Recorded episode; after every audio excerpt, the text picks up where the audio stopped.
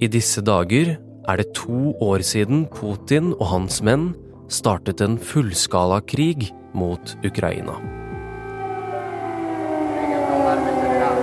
They are. Uh, that's an, an air raid. An air raid siren. Freden på vårt kontinent er blitt knust. Vi har nå krig i Europa i et omfang vi trodde hørte historien til. Вновь считаю необходимым вернуться к трагическим событиям Слава нашим захисникам, слава нашим захисницям. Слава Україні! Den største krigen i Europa siden andre verdenskrig. I det invaderte Ukraina så sitter 33 år gamle Sveta og vurderer om hun nå skal forlate landet hun elsker. Men hvis Sveta drar fra landet nå, så vil hun mest sannsynlig aldri komme tilbake igjen. Og hvis det skjer, så vil det kunne få store konsekvenser for Ukraina, for Europa, og kanskje til og med for deg og meg. Du hører på Forklart fra Aftenposten. Hver dag forklarer vi én nyhetssak og gir deg det du trenger for å forstå. I dag om Svetas kamp for Ukraina. Det er onsdag 21. februar, og mitt navn er Philip A. Johannesborg.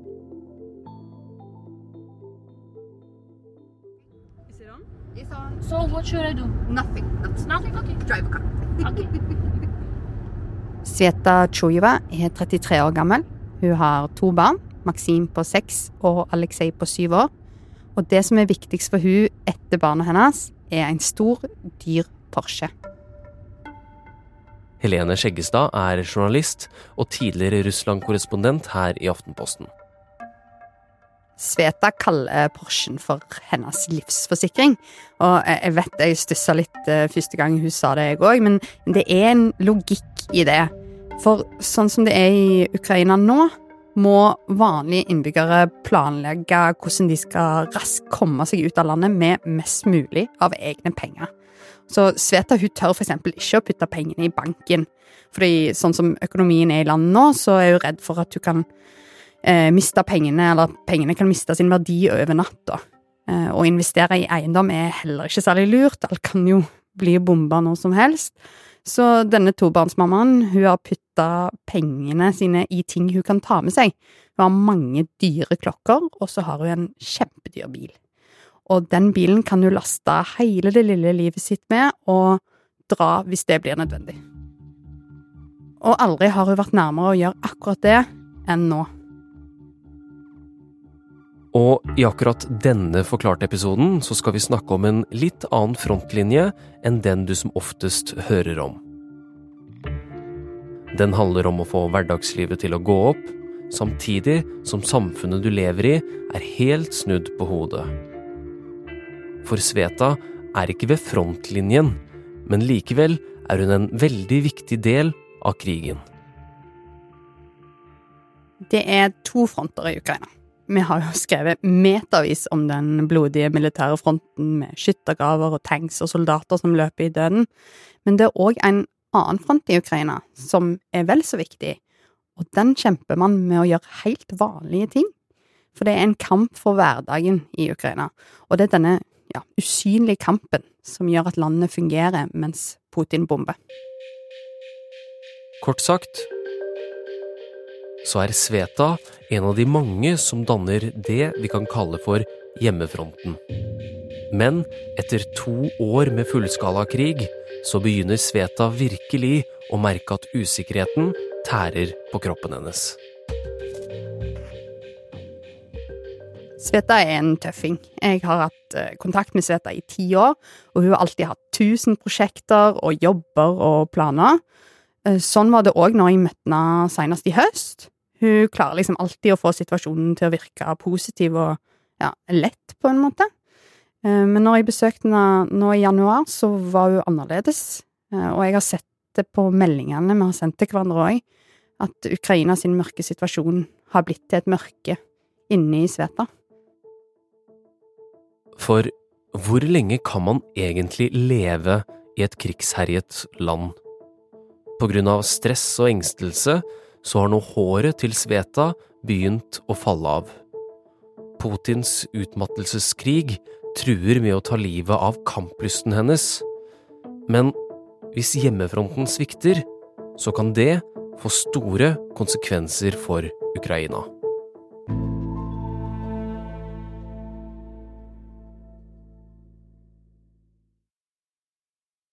Flyalarmen har gått over hele Ukraina. A massive drone and missile attack. 26 had to be hospitalized. Of those 26, eight were children. Å våkne på natten av at flyalarmen går, kan mildt sagt beskrives som noe skummelt. Opptakene du hører her, har vi fått fra Kyiv-korrespondent Gina Grieg Risnes, og de er tatt opp hjemme i hennes Kyiv-leilighet.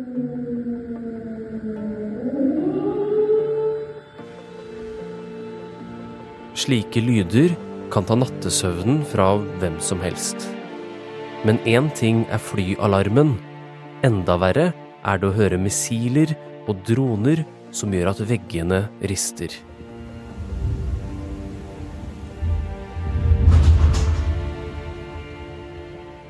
Og her hører du en kvinne som Gina har intervjuet, en kvinne som opplevde bombing så nært som dette.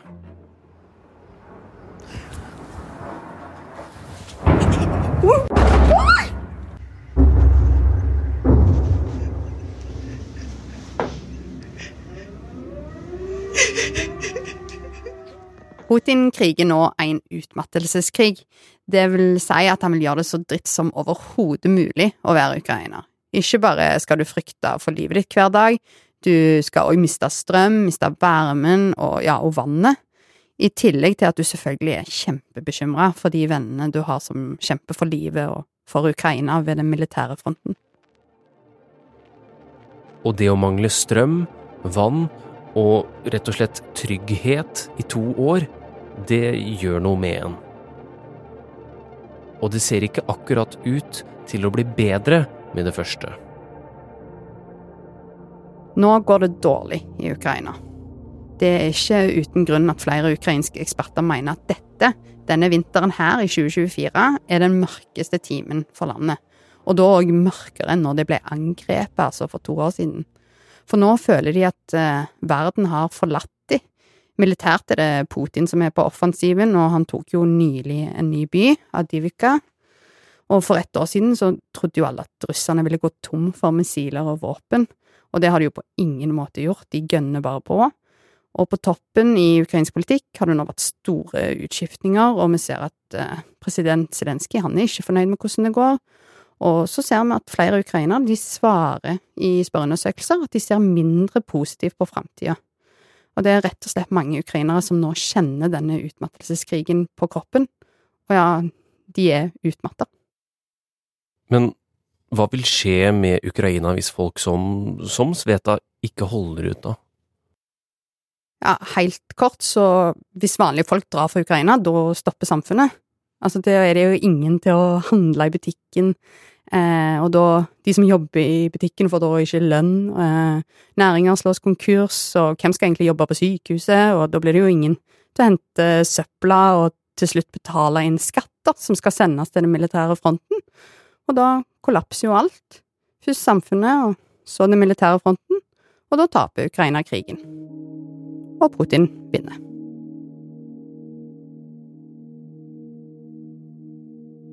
Flere og flere advarer om at det ikke bare er Ukraina det vil gå utover dersom Putins menn marsjerer inn i Kyiv.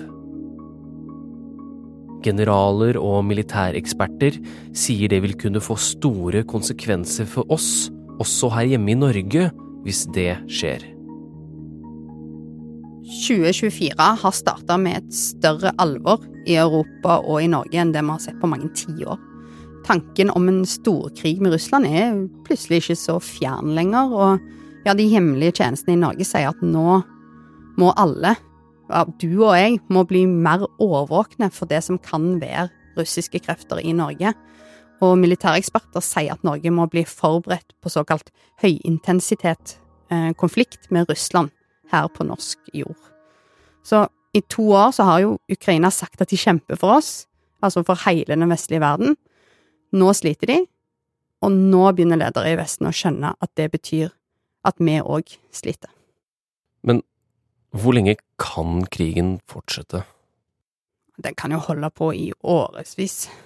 Eh, men så er det jo sånn at de fleste tror jo at denne krigen òg kommer til å ende ved et forhandlingsbord. Så det store spørsmålet er hvor godt stilt er Ukraina når de setter seg ned med Putin? Vil det være en forhandling der Russland kan diktere alt, eller vil Ukraina ha tatt tilbake så mye land at de stiller sterkere ved det bordet?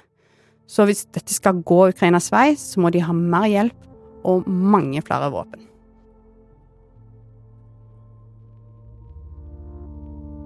Men er det sånn at russerne kommer hit om de vinner i Ukraina? Tanken på at Russland skal kunne true et Nato-land som Norge, er jo fremdeles ganske lite sannsynlig. Men det som gjør dette så skummelt, er at det nå er presidentvalg i USA med en kandidat som ikke tar ei krone for å så tvil om Nato har tenkt å komme hvis enkeltland blir angrepne. No, I would not protect you. In fact, I would encourage them to do whatever the hell they want. You got to pay. You got to pay your bills. And the money came flowing in. Så det vi har sett i 2024, er at dette har sunket inn hos norske myndigheter. De trykker rett og slett på den store røde knappen. Altså ikke det at russerne kommer marsjerende over grensa i nord, men, men budskapet er at vi må forberede oss på en konflikt med Russland både i form av overvåkning, spionasje og mulig sabotasje. Også for oss her i Norge så er det en fordel at Sveta fortsetter å bo i Ukraina. Men hvor lenge kan hun egentlig holde ut? Sveta har, som mange ukrainere, penger til å dra fra Ukraina, men hun velger å bli.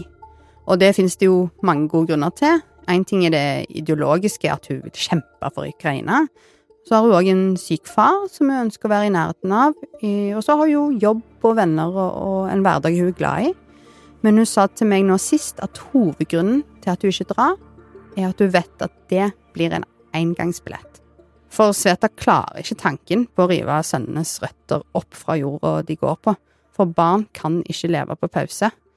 Og i to år så har flyalarmen gått nesten hver natt i Ukraina. Da flytter Sveta seg sjøl og ungene inn i garderoben, som fungerer som bomberom. Men òg de nettene når alarmen ikke går, så våkner Sveta med panikk. Og da har hun fortalt at hun går inn på rommet til ungene og legger seg ved siden av dem, sånn at hvis et ballistisk missil treffer de der i åttende etasje i Kiev, så er de i hvert fall sammen i den siste stunden. Og sånn har hun holdt på i to år, og det sier seg sjøl at det skal mye til å klare to år til.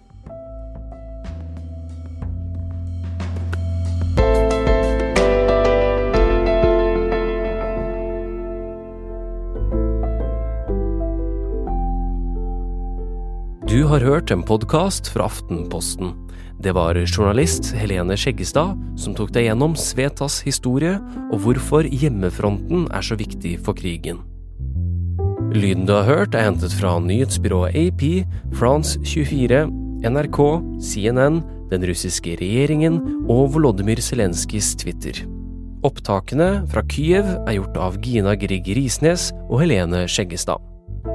Denne episoden er laget av produsent Olav Eggesvik og meg, Philip A. Johannesborg. Resten av Forklart er Fride Næss Nonstad, Synne Søhol, Heidi Akselsen, David Vekoni og Anders V. Berg. Takk for at du lytter til Forklart.